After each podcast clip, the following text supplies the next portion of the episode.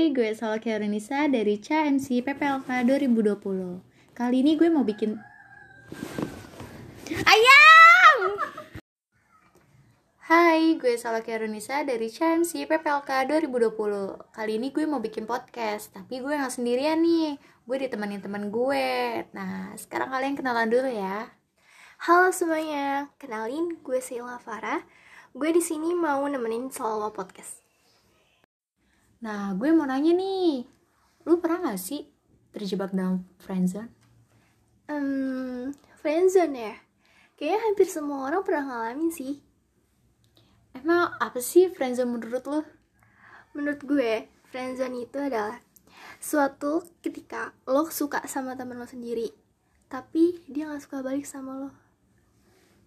Aduh, berat banget ya. Emang ya.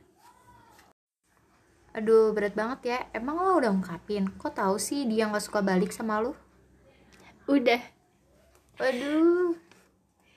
gue tuh tipenya lebih baik gue jujur, gue bilang duluan sama dia, biar gue tuh tahu dia suka balik sama gue atau enggak.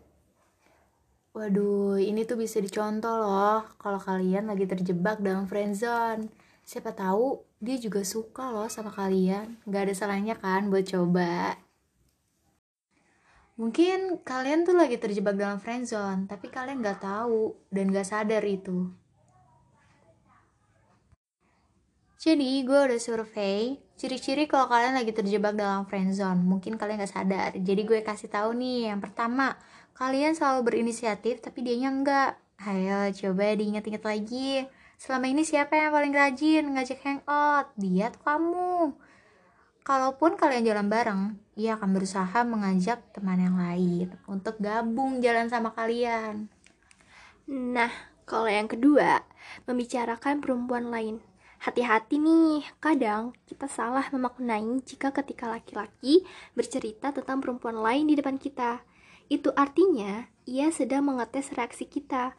Padahal bisa jadi ia hanya ingin bercerita tentang perempuan yang ia taksir. Yang ketiga, dia itu pura-pura nggak peka. Mungkin selama ini ia sadar bahwa kamu melempar kode keras padanya atau berusaha mati-matian untuk menggerahkan perhatianmu untuknya. Tapi ia pura-pura nggak peka tuh dan terus mengabaikannya. Apa mau sampai menunggu dia bilang kalau dia nggak tertarik menjadikanmu sebagai kekasih? Ayo dipikir lagi ya guys. Yang terakhir, selalu mengenalkanmu sebagai teman, baik itu kepada teman-teman yang lain atau keluarga. Ia perlu menegaskan satu semu tersebut di depan orang lain supaya nggak ada rumor yang mengatakan kalau kalian itu pacaran. Nah, kan tadi udah tuh kita jelasin ciri-ciri kalau kalian lagi terjebak dalam friendzone. Sekarang kita mau ngasih tahu gimana sih cara ngatasin kalau kalian lagi terjebak dalam friendzone. Yang pertama, mengurangi perhatian kepadanya. Ya sih, ini memang butuh waktu, tapi semakin besar perhatian yang kamu curahkan, maka kamu juga semakin berharap kan? Sedikit-sedikit, yuk kurangin kode-kode itu dan move on.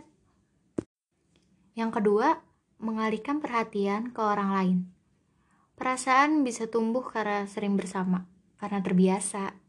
Kali ini coba lebih sering menghabiskan waktu dengan orang lain atau bertemu dengan orang baru. Nah, yang terakhir nih, berkata jujur tentang perasaanmu. Ya, butuh nyali yang besar untuk melakukannya. Tapi ini perlu dicoba jika kamu benar-benar lelah untuk memendam perasaanmu.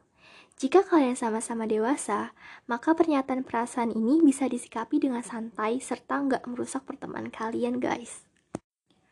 Wah, nggak kerasa ya kita udah bahas banyak tentang apa itu friendzone. Ciri-ciri dan cara mengatasi kalau kalian terjebak dalam friendzone.